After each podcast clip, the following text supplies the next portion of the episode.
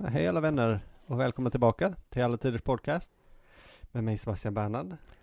Och mig, Karl-Magnus Juliusson. Ja, var introduktionen färdig. Japp. Kan vi gå vidare till dagens äh, ämne? Ja, du vill skynda på här. Nej, det behöver vi inte göra. Vi berättar först att det är supersnuskigt ämne. Ja, för de som för känsliga lyssnare så kommer det vara en hel del under bältet den här Ja. gången. Alltså, och det är inte vårt fel. Nej, nej faktiskt inte. Vi kan inte hjälpa hur historien ser ut. Och, men man kanske inte tänker på det att eh, 1500-talet kunde vara lite skojfriskare än vad man eh, kanske tror. Ja, tror du någon blev överraskad? Det tror jag. Ja, men jag blev det i alla fall faktiskt. Folk kanske tänker, men hur snuskigt kan det vara? Ja, ja men det var det jag tänkte. Eh, för eh, man vill ju inte vara sådär och liksom, man vill ju inte varna för känsliga lyssnare. Kanske Nej. det låter lite töntigt. Men samtidigt är det svårt ibland att, att säga vissa av sakerna eh, som, som eh, vi ska prata om utan att bli generad. Faktiskt. Det är framförallt roligt. Det är framförallt roligt. Ja. Mm. Jag vet inte, det är sådär man, man, när man läser det och hör det så, så påverkar det inte, men så ska man säga det och få någon lyssnar och så blir det... Men det är ganska mycket som jag kommer i alla fall ta upp som, jag tror inte att man blir upphetsad av det. Nej, nej det tror jag inte Utan jag. man kommer att skratta mest. Jag tror också det. Ja. Och blir man upphetsad så får man sköta det själv.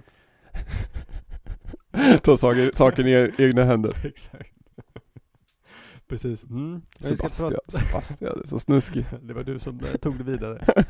Jag lät det hänga och sen så kunde du inte låta bli att gräbba. Ja. Eh, Men vi ska prata om en man som heter Pietro Aretino. Ja. Som väl är en av, eh, kanske Europas snuskigaste män. Ja, jag skulle säga alltså topp fem. Mm, Topp fem va? Mm, någonstans mellan Boccaccio och Marquis de Sade. Ja, ja. Väldigt bra beskrivning. Det är väl där ja. Även kronologiskt. Även kronologiskt. Ja. ja men han eh, tar väl över facklan lite kanske från Boccaccio. Mm. Även om han jobbar i andra genrer och sådär, men det är, det är ändå det där eh, roliga och snuskiga.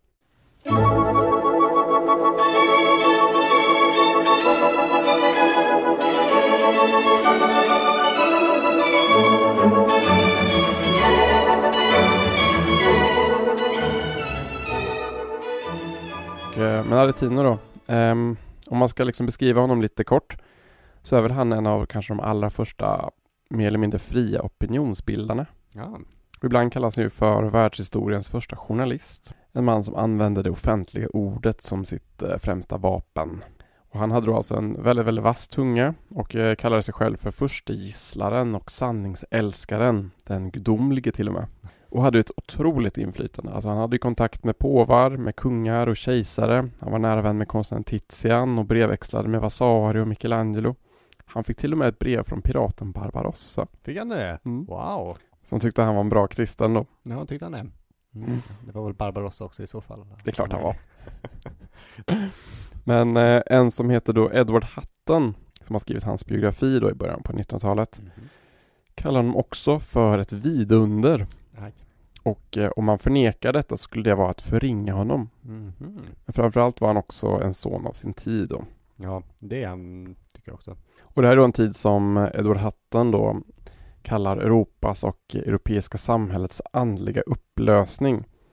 Okej. Ja, Mm. som ni minns vårt avsnitt om drottning Kristina så tyckte ju även Sven Stolpe att Italiens 1500-1600-tal var en riktig bustid. Ja, det är många som tycker det tydligen. Ja, men varför tycker vi det är så kul att vara där ja, då? Jag vet att det kanske säger mer om oss. Ja, det gör väl det. det gör Jag tycker det är den, det är den roligaste tiden. Italien mellan 1300 och 1700, eller kanske 1650 är ju, det är det bästa tiden. Ja, det är grymt. Ja. Konsten som produceras då. Ja, exakt. Det är i och för sig, det är väldigt mycket mord och, och sånt där. Och massakrer. Hemliga fester som ballar ur och sånt där. Men det är väl också spännande. Men alltså den här Edward Hutton då, han måste också tillstå att hur lågsinnad han än var, var han ändå ett geni. Fast han var en skurk var han full av humanitet. Mhm. Fast han var brutal var han full av medlidande och kärlek till de eländiga, de olyckliga och de fattiga. Mm, det Låter ju ändå rätt så fint. Jo, men det är det väl. Jo, men han, eh, han står väl upp för de små människorna också. Ja men precis och en, eh, en mycket spännande människa helt enkelt som vi ska prata om idag. Och som fortfarande idag också är väldigt rolig att läsa. Starkt rekommenderad härifrån. Ja verkligen, verkligen. Och liksom, han var ju heller liksom ingen, han var ingen aristokrat utan han var ju liksom av låg börd, son till en skomakare. Just det. Han kunde inte latin, Nej. vilket faktiskt eh, man kan säga var en styrka hos honom. För att han höll ju inte på då och refererade till gamla mästare och myter och sånt där utan han, han skrev om här och nu, rakt på italienska, direkt ur sitt huvud. Han är ju väldigt bra på att blanda italienska dialekter också. Mm. Faktiskt. Det, är- så han är ju en språkmästare på många sätt. Verkligen. Som då, alltså det är väl en talang som man bara har då eftersom att han inte är så utbildad då. Nej, precis.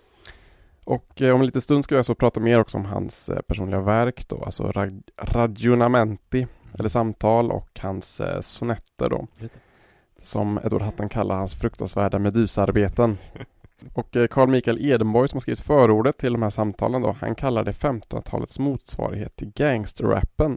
Ja, okej. Den har ju må- många likheter.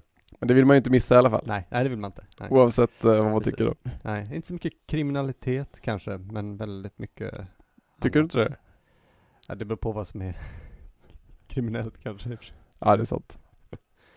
Ja. Prostitution, Prostitution är det ju väldigt mycket. svindleri, Ja, jo, okej, jo i och för sig. bedrägeri, Det är det, mycket. mord. Det är några mord. Men, Bara några få.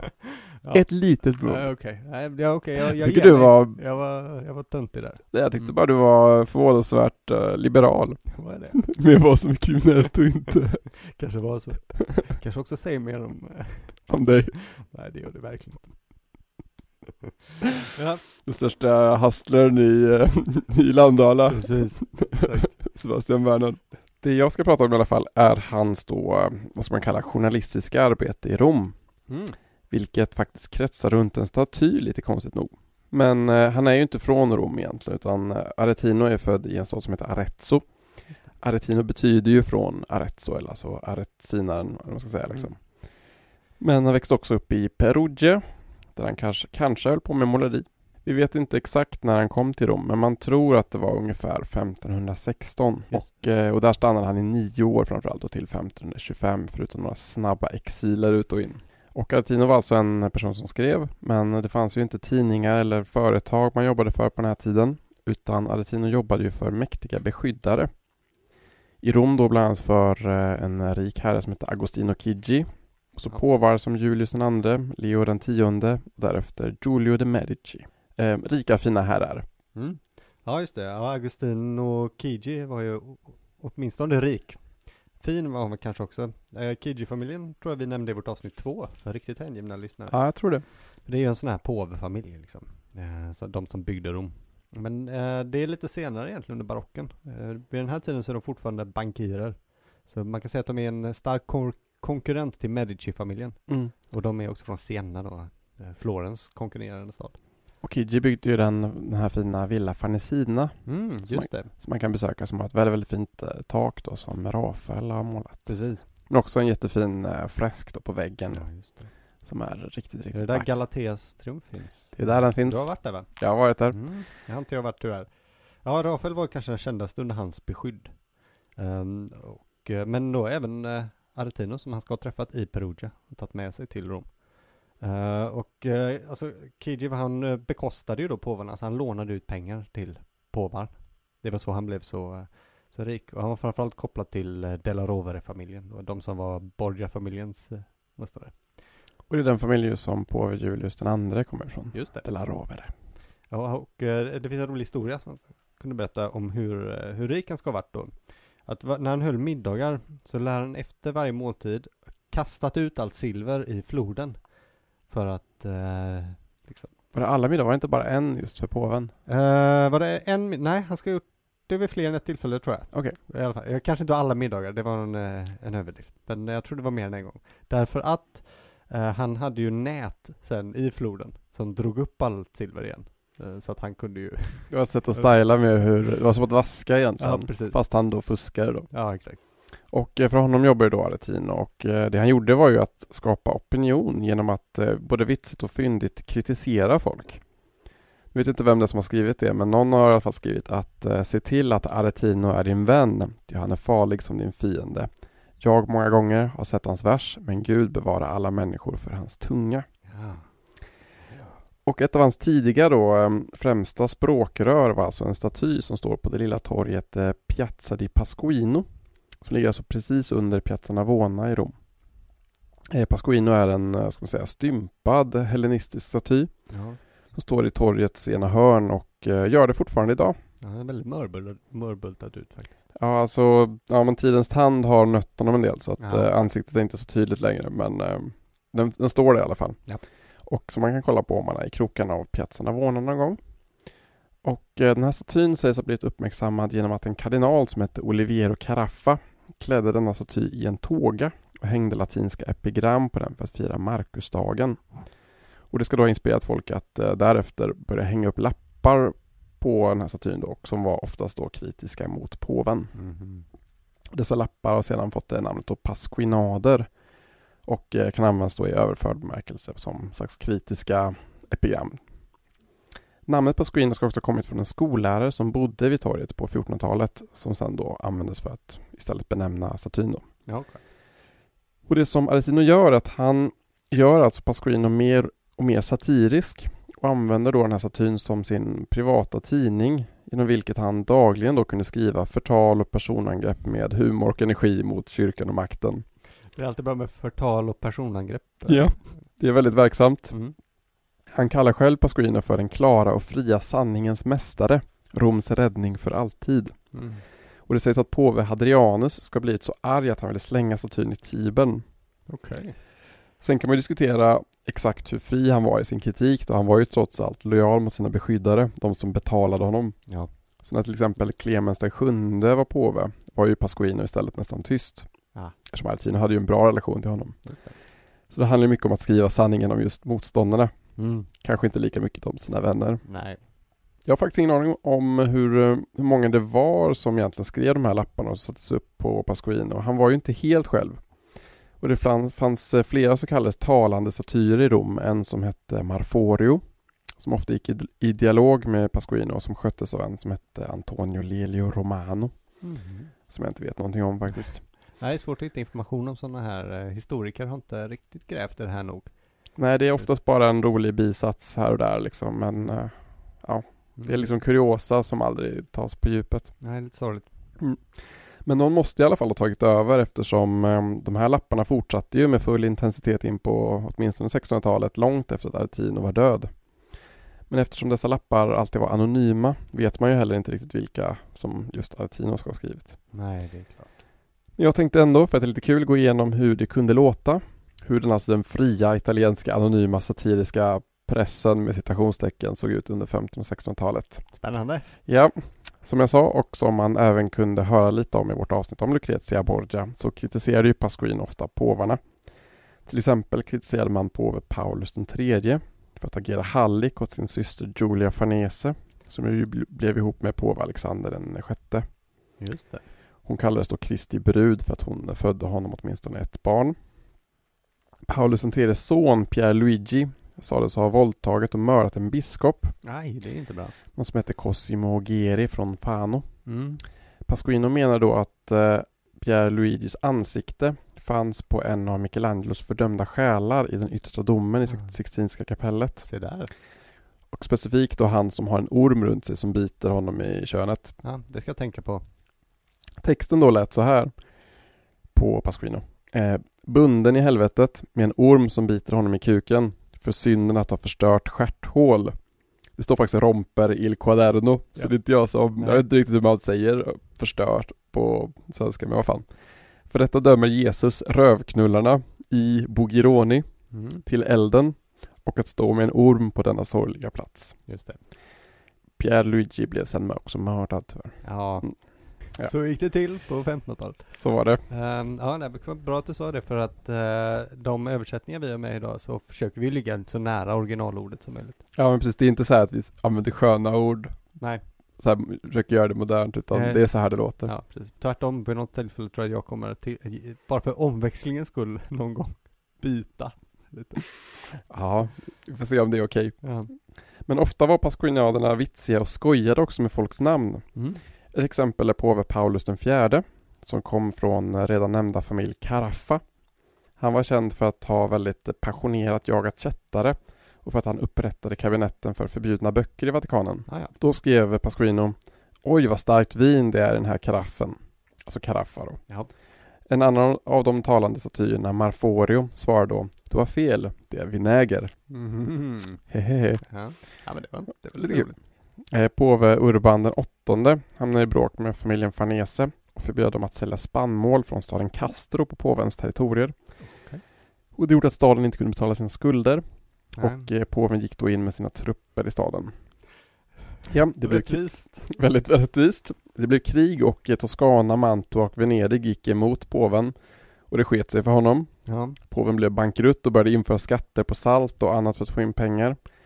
Dessutom skapade han massor nya högtider för att det skulle komma pilgrimer som ville ha syndernas förlåtelse. Och då skrev Pasquino Urban den åttonde med sitt vackra skägg inför en ny skatt så fort en högtid är över. Ja. De tyckte väl det var lite dubbla bud kanske. Kanske. Jag tycker det var en väldigt eh, bra beskrivning av ungefär hur eh, 1500-talspolitik gick till. Ja, Faktiskt. ja men verkligen det är massa bus faktiskt. Eh, Påven Innocentius den tionde. Han kom från familjen Pamfilj och jag var inte så förtjust i en familj som heter Barberini. Han eh, satte dem på flykt från Rom och då frågade statyn Marforio då till Pasquino. Ehm, vad för sorts människa är den nya påven? Pasquino svarar Han är inte en människa utan en flugsmälla. Mhm. Eftersom eh, familjen Barberinis vapen var ju humlor va? Eh, ja, eller bin. Bin, ja, bin kanske det är, precis. Lite kul. Eh, jag har två ordlekar till också. Eh, de har att göra med en person som Pasquino verkligen hatade. Okej. Hon heter Olympia Majdalkini. Ja, ja, hon ja. Alla hatar henne. en av de mest hatade av sin tid. Eh, Hon var då gift med Pamfilo Pamfilj. Bra namn. Och eh, de bodde i ett palats då i ena änden av Piazza Navona i Rom, alltså precis bredvid det torg där Pasquino står. Mm. Och Olympia var liksom en ja, men tuff och rik, lite bossig kvinna med ett um, rykte om sig att vara väldigt girig. Ja. Så när In- Innocentius den tionde blev påve från familjen Pamfilj så sattes det upp en målning då av en hand som håller i en påvetiara och en enkeslöja eftersom Olympia hade varit gift innan Pamfilio och blivit änka då. Okej. Hon kallades också för La Papessa, alltså påvinnan då, Mm. för att hon skulle ha så mycket inflytande då på påven. En text som då stod på Pasquino var en vits på ordet eh, porta, som betyder port, Ja. och portare, som betyder att bära eller bära med sig. Och jag ska köra den på italienska först så att man fattar det roliga. Ja. Ehm, Dove la porta di Donna Olympia? frågar Pasquino. Och Marforio svarar Chi porta vede la porta, chi non porta non vede la porta. Men det betyder alltså då var är Donna Olympias dörr? Och eh, om du har med dig något så ser du dörren. Om du inte har med dig något så ser du inte dörren. Så att du får bara komma in om du har massa grejer till henne och eh, på det viset. Ja. Var det inte så att eh, hennes bakdörr då, alltså det- ordagrant där man går ut baksidan från hennes palats var på torget Piazza del Pasquino? Där Museo di Roma nu ligger. Just det. Men eh, Olympia kritiseras också för korruption Mhm. och hade ett tag så dåligt rykte att hon skickades i exil till San Marino. Och när det var som värst så alltså kom det pasquinader varje dag mot henne. Alltså det är som ett eh, hatfullt Twitterdrev kan man väl säga. Ja, faktiskt. med dagens mått.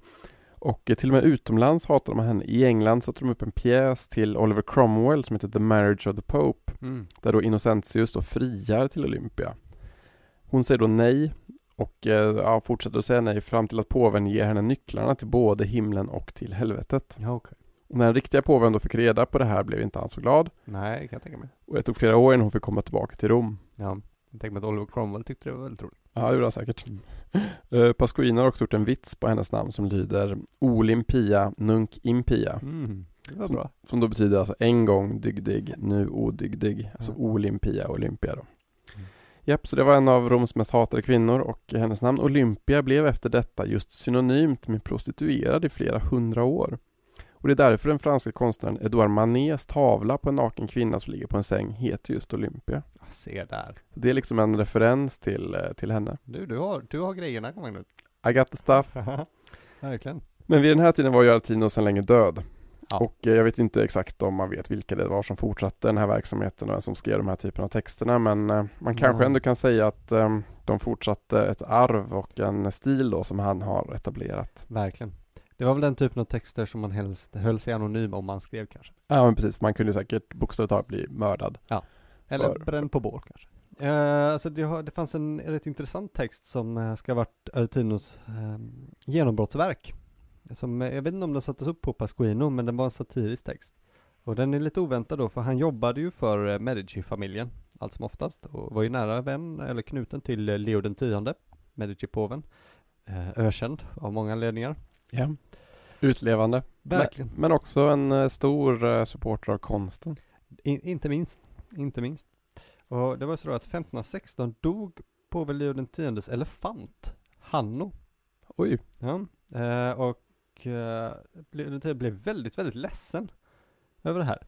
Eh, han hade fått den i present av kungen eh, från Portu- av Portugal, Bra present. som eh, antagligen hade hämtat det från Indien någonstans, för det var en indisk elefant. Eh, den hade han inne på det som är Belvedere-gårdsplanen inne i Vatikanen. Alltså där, där den stora kotten står va? ja, Shit. så där, där, alltså då, det är liksom där man kommer in ungefär på museet, Vatikanmuseet, det stora Mm. gårdsplanen, där restaurangen är bland annat. Där någonstans så hade de en, eh, en inhägnad där elefanten bodde. Och då elefanten dog, påven blev jätteledsen, han bad Rafael göra ett minnesmärke till elefanten, som inte finns kvar, tyvärr. Och påven skrev själv en inskrift, där han bland annat eh, skrev de här fina raderna. I min vilda form bodde en människas känslor. Vad fint. Men Aretino skrev en väldigt hånande pamflett då som hette Hannos testamente. Okej. Där han, ja, den här texten finns väl- jag, jag kunde inte hitta den tillgänglig men den ska då ha hånat både påven och eh, kardinalen och i princip alla Roms mäktiga människor. Ja, det känns som att det öppnar ju för det. Ja, det gör ju det. Ja men den ska väl i alla fall ha blivit väldigt populär då eh, bland folket. Och liksom cementerat hans rykte.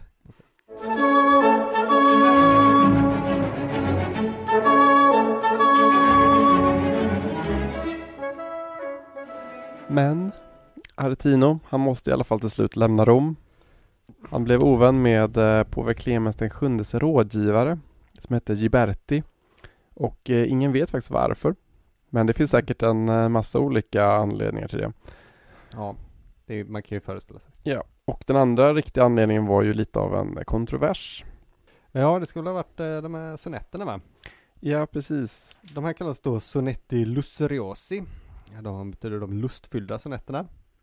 Och de skrevs eh, då under hans tid i Rom som sagt. Även om de brukar associeras lite mer med hans Venedig-tid av någon anledning. Eh, jag vet inte varför. De, de passar väl in mer där. Kanske i han, den här lite mer eh, snuskiga delen. Mm. Det kan också ha att göra med att de är bland annat skrivna på venetianska. Och det är nog en anspelning på Venedigs rykte. Som en eh, stad av prostituerade. De är gjorda av, eh, till tryck, till bilder ju. Till Marcant, vad heter han här? Marcantonio Raimondi, hette han väl. Som var, han var faktiskt Italiens första stora tryckare. Mhm. Som f- liksom förde tryck, boktryckarkonsten till Italien ordentligt. Innan det här hade man ju tryckt eh, lite biblar och stora tjocka böcker. Men eh, på, in på 1500-talet så började man märka att man tjänar mer pengar på att trycka små saker. Pamfletter och korta böcker. Och gärna saker som säljer bra eh, på gator och i små butiker. Som till exempel då snusk. Så han lät eh, trycka 16 pornografiska bilder. Som han tjänade jättemycket pengar på. Men eh, han är lite sorglig också. Eh, han förlorade faktiskt allting under pl- plundringen av Rom 1527. Han var Jaha, tvungen att betala för sitt liv eh, för att inte bli avrättad av eh, några spanska legosoldater. usch då. Så dog han i fattigdom. Aj då. Mm. Men det, med de här kopparsticken då med eh, Aretinos sonetter, de blev ju väldigt kontroversiella. Och Marc Antonio han hamnade ju till och med i fängelse för det. Men eh, han hade några bra, ska man säga, rika vänner som då kunde få ut honom. Ja, Men så, så allvarligt blev det så faktiskt. allvarligt var det. Ja. Alltså, eh, ja han tryckte ju bland annat Rafaels grejer. Eh, jag kan, det kan vara viktigt, kanske kul att nämna innan att skisserna, skisserna till trycken, han målade ju inte bilderna själv. Utan det gjorde en man som hette Giulio Romano. som var Rafaels lärjunge faktiskt. Mhm. Och som senare blev hovmålare i Mantova, av alla ställen. Så, så det är bra, stora namn här. Verkligen. Mm. Då de här sonetterna till, de var ju då så skandalösa att även Aretino var tvungen att lämna Rom. Ja, han visst. blev ju inte fängslad för det. De fick väl inte tag i honom. Men han var tvungen att dra. Eh, och om man ska beskriva deras stil lite innan vi Ja. bara för att mjölka det. Så kan man eh, kanske beskriva den som väldigt direkt. Ja. Eh, till skillnad då från hans dialog och sådär som vi använder, eh, pratar om sen kanske, så använder han sig inte särskilt mycket av liknelser Nej. här utan använder hellre det, det, det klara könsordet. Ja.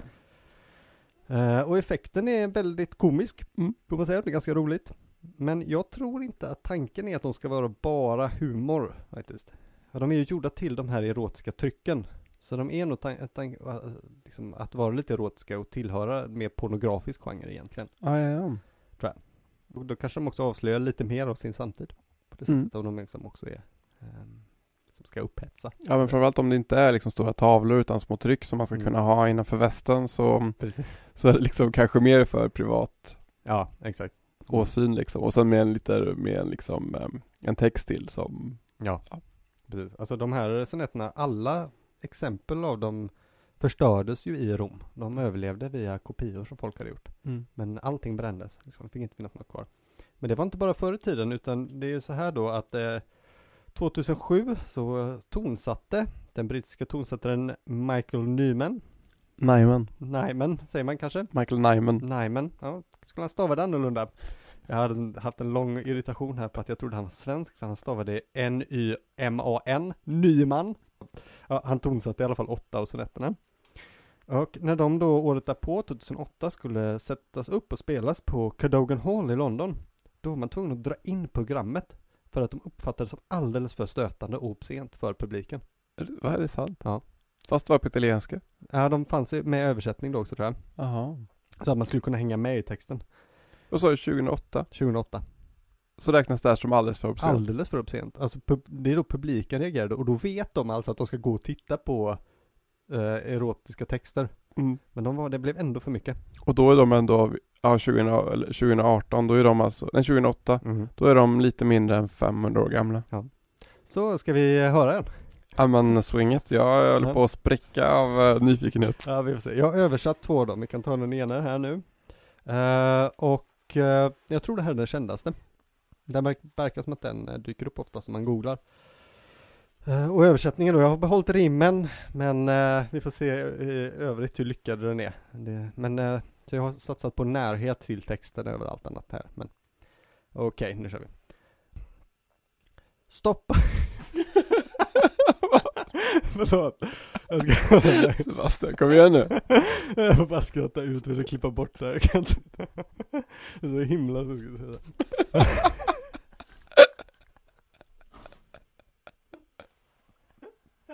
Åh, det är så roligt det här.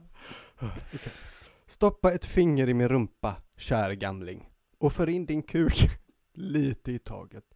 För en roligare lek, för benen mot taket och skjut sedan till utan aning. Jag måtte tro att detta är den bästa smaken, som att äta ett bröd fett utav svål. Och om fittan ej gläder, så byt du hål.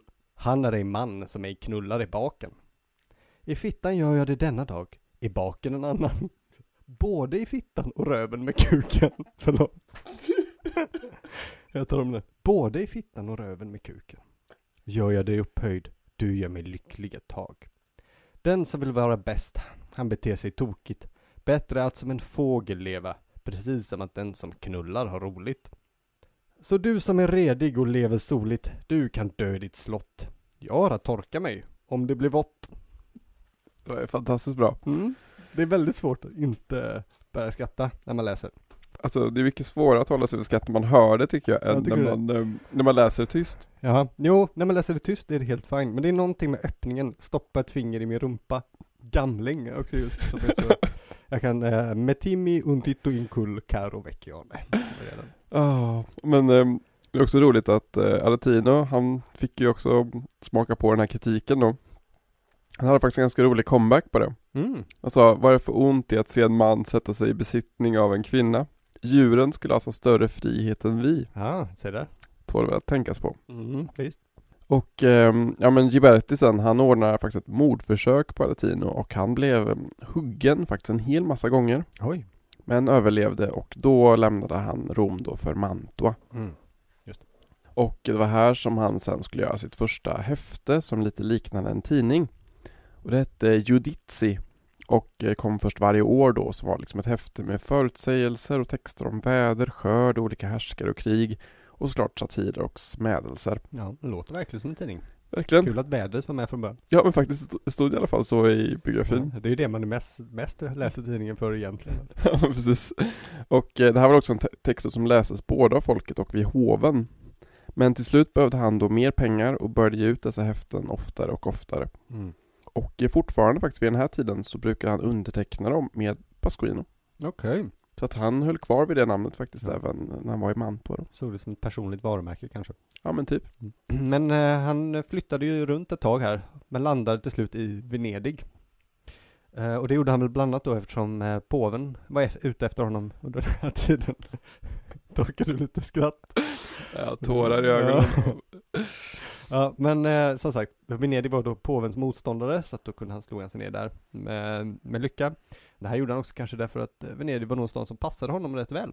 Det storhetstid då som sjömakt och medelhavets hjärta var så gott som över på 1500-talet. Det var väl på medeltiden liksom, hade ju Venedig varit en stormakt verkligen. Eh, men än så länge fanns liksom pengarna och de stor, mäktiga släkterna fanns kvar. Så de hade inte, de hade inte tappat det än. De levde liksom, meriterna var inte så gamla. Och istället då för att lägga alla de här pengarna på eh, expeditioner och erövringar så la man det på prakt, kultur och fest helt enkelt. Det här märks kanske framförallt på prostitutionen. Eh, Det är en del av historien som kanske inte hörs ofta av men som är väldigt spännande. I Venedig så bodde ungefär 150 000 invånare på eh, 1500-talet och 20 000 av dem var prostituerade. Oj, det är ju kolossalt många. Det är väldigt många. Och det här är ju för att man satsar på sexturism, Mm. verkligen. Det finns faktiskt en rolig, jag läste det, ett brev tror jag från Aretino när han bodde i Venedig där han skrattade åt en, en båt full med tyskar Mhm. i kanalen då. Liksom han Oj. skrattar åt att det är så mycket turister och att det är en hel båt full med tyskar. Ja. Från då 1500-talet. Ja, det är ju verkligen samma som idag. Ja visst, som man ser en turistbuss åka förbi och Ja. kolla där. Ja, nej, men de, eh, de satsade verkligen på turismen också, att få dit folk för att spendera pengar. För de tjänade otroligt mycket på prostitutionen, eh, staten. Då kan man också säga samtidigt att Venedig har en, har en moralpolis, alltså en riktig moralpolis, till vilken man kan anmäla folk för otrohet och sånt där. Inte bara liknelsen man kastar ut sig. Nej, det fanns en polis. Så, eh, att eh, de var liksom väldigt hårda på eh, då, framförallt kvinnor och gifta kvinnor, men prostitution var överallt. Och att man tjänade så mycket pengar på det firade man bland annat med en särskild tävling under karnevalen när barbystade prostituerade tävlade i rodd längs Gran Canale. Jaha, är jättestora båtar liksom. jaha. Och eh, ja, många förfärade ju såklart över den rikedom som prostituerade hade, hur de drev omkring. Liksom. Men det står det. Mm. Eh, faktiskt ska vid något tillfälle kungen av Frankrike, men jag kommer inte ihåg vilken av dem, ha stannat till i, under sina fälttåg i Italien, specifikt i Venedig, för att besöka specifikt en prostituerad. Och det här passade ju tydligen då Aretino, för han spenderade ju resten av sitt liv i staden faktiskt. Hade väl ett litet harem nästan. Ja, han hade ju, alltså han hade ju ett, ehm, ett boende fullt med, eh, där folk var hela tiden. Han hade ju massa tjänarinnor och sånt där Ja. och eh, de kallades ju arretinskorna. Just det. Och eh, så att det var en, en fri en fri miljö med väldigt många älskarinnor och folk som gick hit och dit och många bestal honom och smet iväg med någon och sådär. Ja. Det är en väldigt, han gifte sig ju aldrig heller. Nej, Han fick ju några barn men ehm, elva tror jag va? Oj, det var några stycken ja. Precis. Men ehm, det verkar ha varit en ganska mm, liberal och fri, fri miljö i hans boende. Ja, härligt. Han fick också, jag tror att hela huset och gatan och torget utanför fick ju hans namn då. Okej. Att eh, via Aretino och så var det Piazza Aretino och för att han var så himla känd. Han blev liksom en turistattraktion nästan. Ja, han var uppskattad uppenbarligen. Ja, han verkar ju ha kunnat leva rätt gott. Han behövde ju inte producera lika mycket text längre. För han blev ju betald av både kungen av Frankrike och den tysk-romerska kejsaren för att skriva ner motståndaren och inte skriva om dem. Ja men precis. Det var alliera sig med dem med vassast eh, tunga. Ja, precis. Tänk om kungen skulle göra så idag att så här, eh, betala bloggare för att de inte ska göra memes på honom. Exakt. Eh, och i Venedig blev han ju god vän med målaren Tizian faktiskt. Bland annat. Han hade ju många berömda vänner i konstkretsar. Mm. Vi pratade Vasari och Michelangelo och sådär. Eh, och då inte minst Tizian som målat kanske det kändaste porträttet på honom. Ja. Eh, mycket vackert porträtt, får jag säga. Han har långt skägg, som alltid. Och väldigt stora, puffiga, lyxiga kläder på Han sig. ser lite ut som eh, typ Gustav Vasa tycker jag. Ja, faktiskt. Han är Ja. lite lik Gustav Vasa. Han Samma samma- frisyr, samma skägg och så här väldigt stora axlar och en lite, ja men bylsiga ärmar och sådär. Ja. Kanske Gustav kanske försökte koppa lite. Det väl ungefär samma tid också? Ja. Tror han dog eh, samtidigt. 1560 dog Gustav Vasa. Ja. ja. Så att ja, men det kanske var på modet att ha den frillan. Jag antar det. Ja, ifall man behöver också en, eh, en parallell då, hur, hur var det i Sverige vid den här tiden? Ja, just det. Så har ni ju Gustav Vasa då. Precis. Eh, men eh, han finns ju avmålad av andra. Michelangelo har ju målat av honom. Han syns på den yttersta domen, faktiskt. Det är väldigt coolt. Mhm. Han är Sankt Bartolomeos, som håller i sitt eget skinn. Shit. Ja, det är väldigt coolt faktiskt. Eh, sen var ju, det är också roligt att han var ju nära vän med Ludvigo Ariosto, som var liksom sin tids stora uppburne poet. Han skrev såhär höviska riddarsagor och e epik, tunga saker, fina saker. Men han älskade ju Aretino. Och Mm. han kallade honom också för den gudomliga och första Narcisser. Mm. Eh, Så han var ju rätt accepterad av eh, den tidens stora författare Precis. också. Han fick ju även, alltså han var ju även bitvis eh, nära påvar också. Som vi har pratat med tidigare. Han var ju till och med riddare. Han blev riddare av Rhodos, av Clement VII. Och så blev han Petersriddare av Julius III. Så han hade utmärkelser så. Fick han inte en kardinalshatt? Eller nej, jo han, han blev erbjuden en kardinalshatt men tackade nej Ja, det är imponerande. faktiskt. Så att, eh, så att han sågs inte som en sån kättare egentligen. Det gjorde han faktiskt inte. Alltså båda de här ordnarna är ju egentligen korsfararordnar. Fast vid det här laget så hade de ju blivit rent eh, titulära.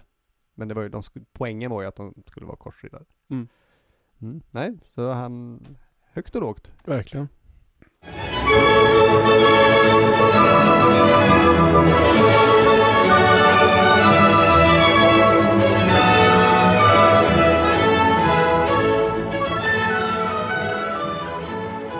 Ja, nu ska det bli mer av hans eh, lite mer skandalösa verk då. Jag ska prata om ett verk som heter Ragionamenti, eller Samtal som det heter på svenska. Och de tre dialoger som heter Nunnornas liv, De gifta kvinnornas liv och Sjökornas liv. Ja, just det. Det är då en text som Aretino tillägnar hans lilla apa som heter Jocko. Ja. Och det här är en text som är eh, rätt rolig och innehåller en viss eh, kritik mot eh, nunnor och munkar kanske man kan säga. Ja, det kan man verkligen säga. Och Aretino refererar faktiskt till Pasquino i den här boken och skriver De började skälla i kapp på biskopen som mästar Pasquino på kardinalerna. Och eh, i förordet skriver han då till sin apa eh, Du skulle kanske gärna ha sett att jag i Nannas historia om nunnorna hade undvikit de yttre kännetecknen på ditt skamliga tryne. Men Nanna är en pratmakerska hon säger vad som faller henne in och det är riktigt att säga allt ont om nunnorna. Så som det visar sig för folket är de sämre än gemena slinkor. De har redan uppfyllt världen med antikrist och med sitt sedesfördärv har de skämt luften från jungfrudomens blomning hos himmelsbrudarna och Herrens tjänarinnor. Så att han har lite att säga om de här nunnorna. verkligen. Och, eh, och efter det säger han då därför hoppas jag att mina ord kommer att vara den grymma kniven som i den skicklige läkarens hand skär av den sjuka lämmen så att de andra förblir friska. Aj, aj, aj.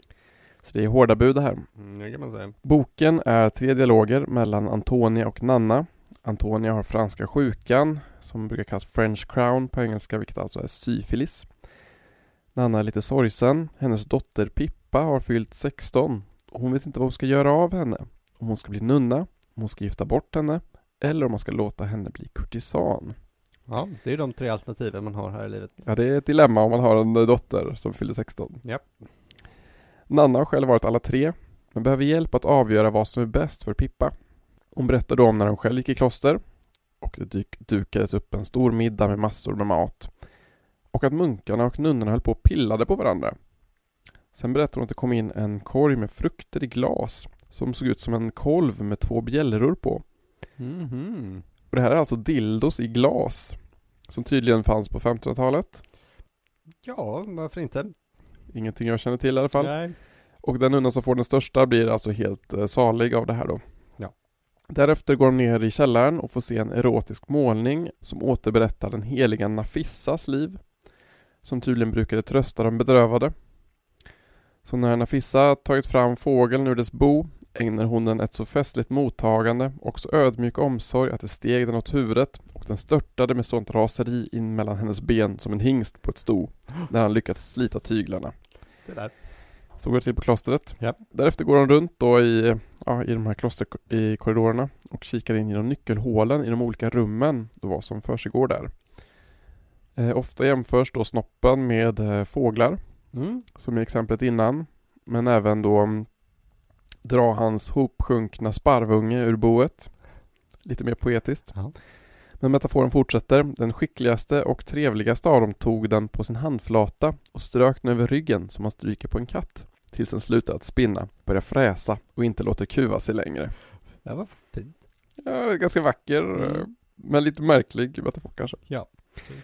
Men eh, det är också väldigt mycket analsex. Ja, det är väldigt mycket. Som i den här beskrivningen då.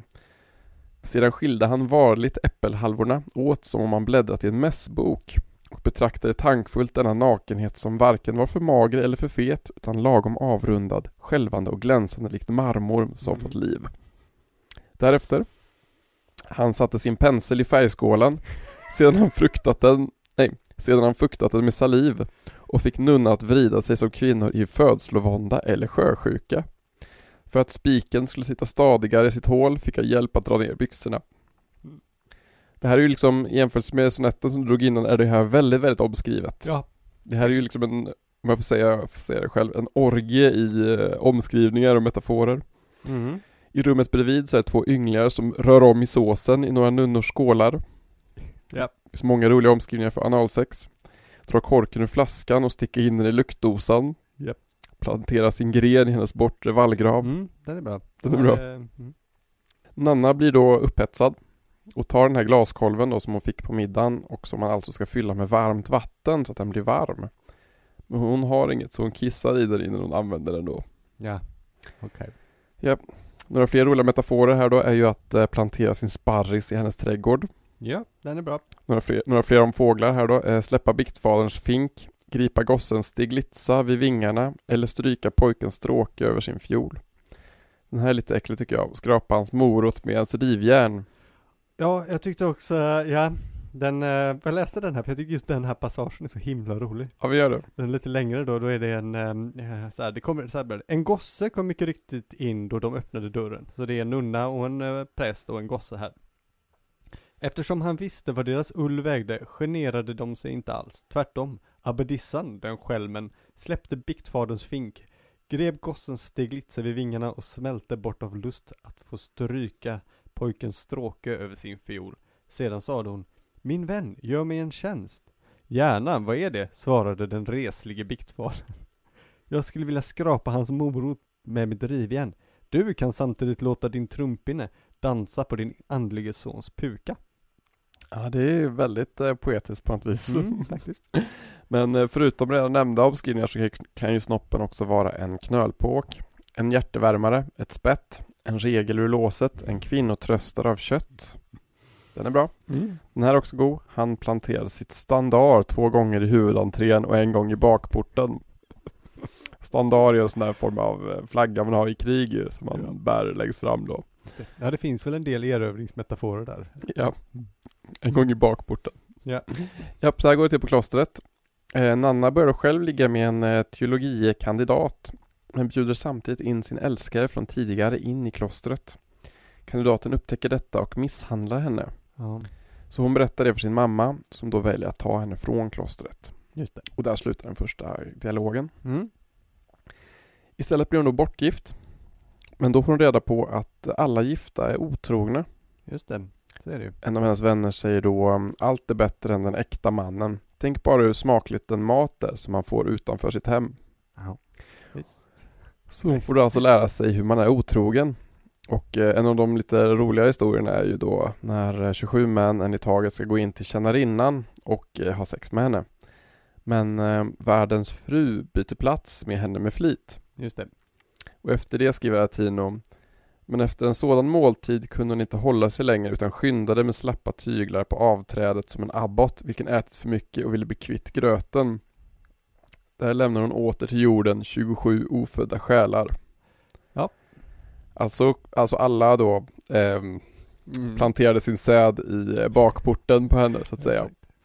Och eh, jag vet inte om det här är liksom 50-tals fantasi men det är ju väldigt mycket analsex. Ja, det här, det, men eh, kanske jag kan eh, utvärdera, eller utveckla. Därför att ehm, så här var det, innan modern tid så han- fanns ju inte preventivmedel.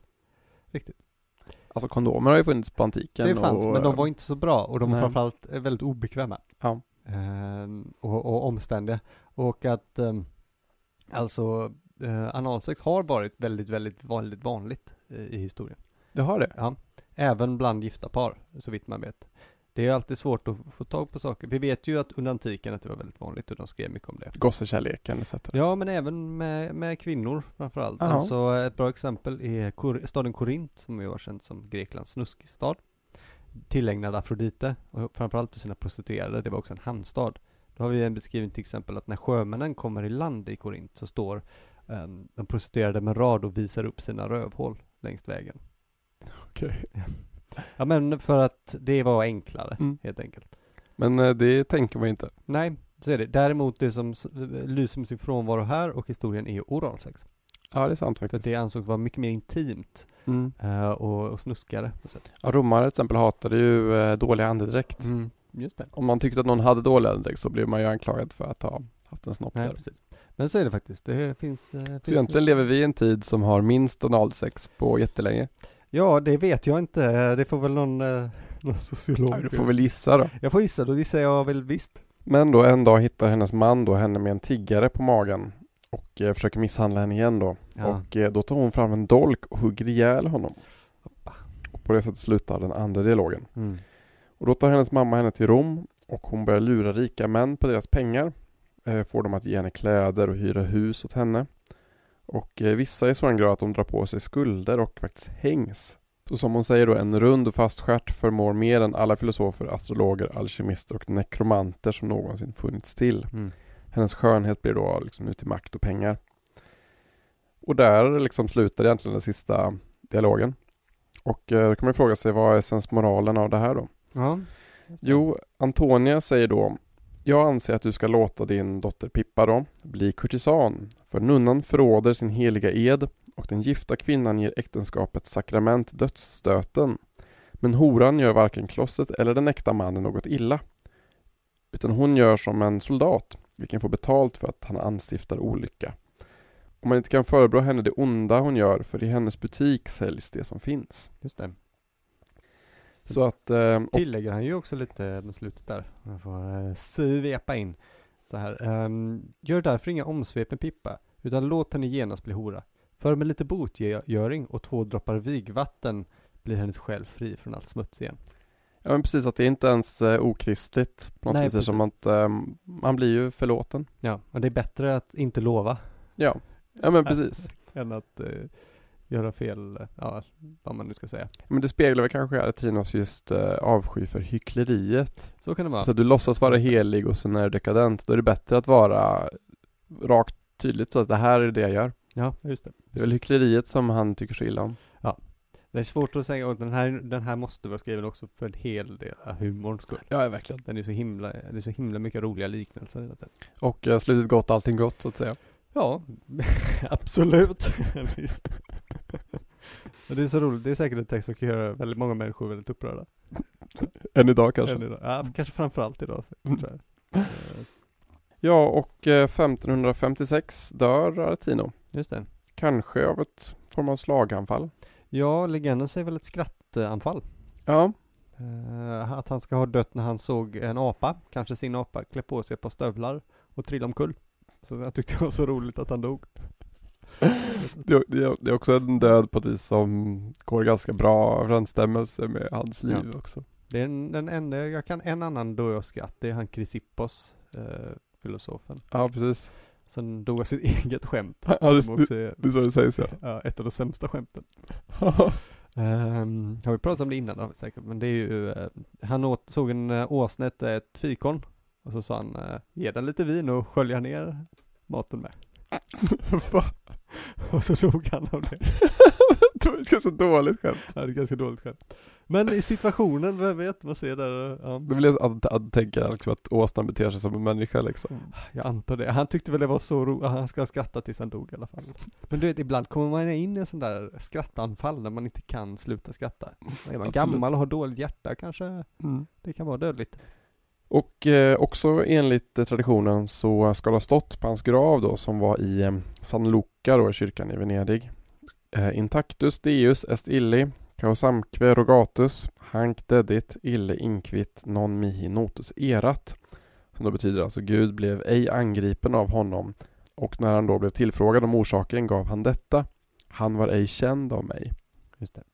Men kyrkans män och kvinnor fick ju sig en släng av sleven även om Gudfader kom billigt undan. Ja, verkligen.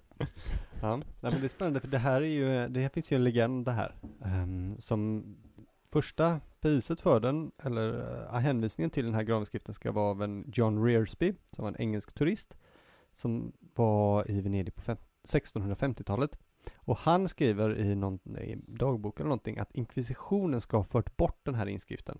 Han har inte sett den själv då. Han refererar väl till skvaller han har hört antagligen eh, på någon krog i Venedig eller någonting. Och han, han refererade till den lite annorlunda. Han säger att den gick ungefär så här, översatt på svenska. Här ligger Aretino, en toskansk poet, som talade illa om var och en förutom Gud, vilket han ursäktade med att honom känner jag inte. Problemet är ju då att, att det här nog inte alls stod på Aretinos grav. Um, det låter lite okyrkligt att ha en sån här inskrift inne i en kyrka. Ja, för allt det kanske är lite konstigt. uh, nej, men det är faktiskt så att den här lilla dikten är egentligen skriven av biskopen Paolo Giovio, som hatade Aretino. Jaha. Mm. Han, var han var en framstående författare själv också, framförallt historiker. Skrev så här tunga verk på latin om historiska personer. Jag tyckte väldigt illa om Aretino. Du visste inte Edward Hatten som skrev hans biografi? Gör inte det? Nej. Nej, det är också italienska Wikipedia som levererar det. Så ni får väl ta det för Nej men då, det, det låter ju rimligt. Ja, men den ska skrivas då medan Aretino fortfarande levde och har cirkulerat. Och sen har väl då eh, ryktet spritt sig om den här lilla inskriften och att den passar väl då, tycker man, hans skandalösa natur. Ja men verkligen, det är så med legender liksom att de passar oftast eh, för bra ja, personen i fråga. Det finns ju även en annan här då att eh, folk menade, som tror jag Hatten tar upp, att eh, Artino ska hävdat att hans mamma var Maria, alltså Madonnan. Och att det är då en hänvisning till att han var en antikrist, att han var någon sorts eh, Kristusfigur. Fast tvärtom, ond. Eh, men det här är också lite oklart, framförallt då varför nu antikrist skulle vara född av eh, Maria i sig. Jag vet inte hur det där funkar faktiskt. Nej, inte jag heller, men det är lite konstigt. Men det här kan nog referera till att, egentligen till att hans mamma stått som modell för ett porträtt av Madonna, som hängde hemma hos honom. Ja. Så att han ska då ha refererat till det här. Uh, hans mamma var ju antagligen prostituerad uh, ett, under en tid. Också. Man vet ju inte för att alla legender om honom, många kommer från honom själv. Mm. Men han ska ha sagt av sig själv att han var född av en hora men hade hjärta som en kung. Vackert. Men jag inte, men eh, det här, alltså den här lite okristliga bilden av honom är väl också en efterkonstruktion lite för att göra honom lite mer skandalös än vad han kanske var. Det väl en tid kanske som hade lägre tröskel för hur man är okristlig också. Ja, men jag, jag tror också att senare tider kanske har lite svårt att se hur man kan skriva så här snuskigt utan att vara vad ska man säga, en, eh, en kättare eller en eh, total uh, ateist eller mm. någonting. Vilket under renässansen inte riktigt var lika problematiskt. Nej. Det fanns ju en påve som skrivit erotisk litteratur till exempel. Och Rabelais var ju en uh, munk ja, som bodde i ett kloster. Ja, och uh, här så han har han ju skrivit en annan dikt som kanske säger emot det här själv. som handlar om hans födelse, för han är ju född på natten mellan skärtorsdagen och långfredagen. Och då skrev han ju så här. I denna heliga och klara natt som följdes av den fredag som vördas av troende och fromma varelser med ymniga och strida tårefloder ur moderskötet drog naturen ut min själ i kroppens späda hölje gömt. Och detta till mera lycka än till motgång. Ty denna har jag städs med jämnmod burit, för mänsklighetens frälsning Jesus led, då jag ej mer i moderskötet låg och ur det fängelse befriades. Då jag blev född, jag icke teg men grät, som om jag gråtit över Kristi kors. För mig har Kristus dött, för Kristus föddes jag. Så, jag vet inte, jag, jag tycker också att eh, det, om man ska förstå 1500-talet kanske det är viktigt att hålla att båda saker lever liksom parallellt med varandra. Mm. I alla personer, så även Aretino. Ja, och vi har ju faktiskt egentligen um vi reproducerar ju egentligen den kända bilden av honom jo, jo. som en snuskpelle för han skrev ju också massa dramer och han skrev ju kristna texter också mm. om Jesus passionen och sådana saker. Så att um, han, allting är ju verkligen inte på det här viset. Nej, men det är ju det snuskigt som är det roliga. Ja, vi råkar ju tycka att det är kul. Ja. Uh, hans dramer ska vara ganska roligt. Han har skrivit en, satt, en, uh, en parodi på uh, Baldassare Castiglionis Hovmannen. Ja. Som då, i Castiglionis version ska man ju vara liksom tuff och stark och bra på allting. Medan i den här pjäsen så lär sig den unge hovmannen luras, vara otrogen, spela kort och sånt där. Det är faktiskt ganska roligt. Ja, ska vi avsluta med en till sonetta? Verkligen. Uh, och den här kan vara bra att ta i slutet för den är lite sedlärande. Kom Magnus. Alltså. Den innehåller uppmaningar. Ska vi sluta med moralkaka menar du? Mm, en särskild moralkaka. Aj då. Um, som många då så går det lite i två röster, det gör även andra, en manlig och kvinna. Så ni får försöka se om ni kan hålla ut dem. Den börjar så här. Den här kuken vill jag ha, inte en skatt. Det är den här som kan göra mig lycklig. Denna kuk skulle göra en kejsarinna fuktig. En diamant bättre än guld när det är natt. Och hjälp mig min kuk, må att jag dör, om jag inte finner lustens mitt, det som inte går med liten pitt. I fittan bäst, en stor sig gör. Min härskarinna, de har sagt som man bör, att om man knullar i fittan med liten slang, förtjänar man ett kallvattens lavemang. Den lille tar röven dag och natt, men jag som är stolt och stor roar mig i fittan glatt. Det är sant, vi kvinnor är giriga, och en stor snopp gör oss glada, därför att vi är omåttligt hungriga. Så tänk på det. Ja, vilka, vad fint rimmat också Sebastian. Mm, tack. Jag tyckte det var riktigt, riktigt uh, fint översatt. Är det slang och lavemang? Så. Absolut, det var ju uh, klockrent skulle jag säga. Mm. Men det, så det, det, det var en moralkaka av ett annat slag. Ja, men um, tack för så mycket för att ni lyssnade och um, att ni har tagit emot denna lärdom då som man kan dra av Aretino. Mm. Som eh, Carl Michael Edenborg då skriver i sitt förord till samtal är ju lärdomen av Aretino att använda sin talang, förakta de mäktiga, vara trogen vänskapen, erotiken och sanningen. Ja, Okej, okay. ja, det är bra. Ska vi um, pusha också på att man kan ge oss pengar om man vill. Man får man jättegärna göra för att stödja lite inspelning och sånt där. Ja. På Patreon finns vi ju såklart. Och sen kan man swisha efter inspelningsöl också. Är priset av en stor stark är min rekommendation. Vad det nu kostar där du bor. Här kostar det mycket, kan jag garantera. Så, I storstan Göteborg. Precis till 076 089 1982. Mm. Ska vi gå och ta en, eh, en sån? Det är klart ska göra det. Mm. får ni passa på nu så, så vi hinner dricka många. Ja. Mm. Tack och ha det så fint. Ja, detsamma. Ha det bra. Hej. Hej. Bye.